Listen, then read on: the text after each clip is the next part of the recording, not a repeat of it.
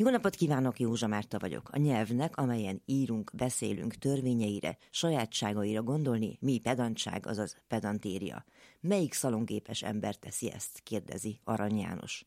Amúgy tankönyvileg a szalonképesség annyit tesz, hogy társaságban való megjelenésre, vendégek fogadására alkalmas öltözékben, illetve egészségi állapotban lenni, és semmiképpen sem sértegetni a közízlést, ahogy a közmegegyezést sem. Az ilyesmit igazság szerint konzervatív értéknek szokás nevezni, ha az jelentene ma már valamit. A feltételes mód nem véletlen természetesen. Napról napra jelennek meg olyan elemzések a nemzetközi sajtóban, amelyek szó szerint kiírják Magyarországot a szalonképes helyek közül. Mindenkinek van olyan tapasztalata, hogyha egy külföldivel találkozik, akkor magyarázkodni kényszerül, hogy hát magyar ugyan, de nem olyan, nem tartozik közéjük. Esetleg külföldön járva letagadja, hogy honnan is jött.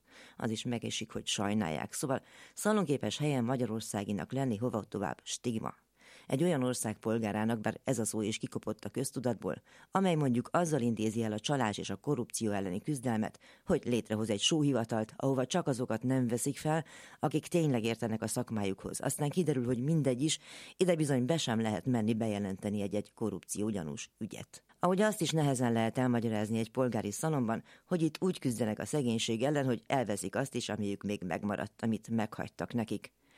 Ahogy egy száz évvel ezelőtti birodalom térképével a nyakában sem szokás egy kormányfőnek szaladgálnia, igaz, az nem szalon, csak egy meccs volt, az jobban is megy a miniszterelnök fazonjához. Ahogy a környékbeli országok emet tahó, de még csak nem is szellemes sértegetése és az ő formája. Amot fokozhatta volna az élvezeteket, mondjuk felvehetett volna egy nagy Törökország mintás sálat is, azon is szerepel Magyarország, és ennek biztosan örültek volna az egykori oszmán birodalombéli honfitársaink, a görögök is.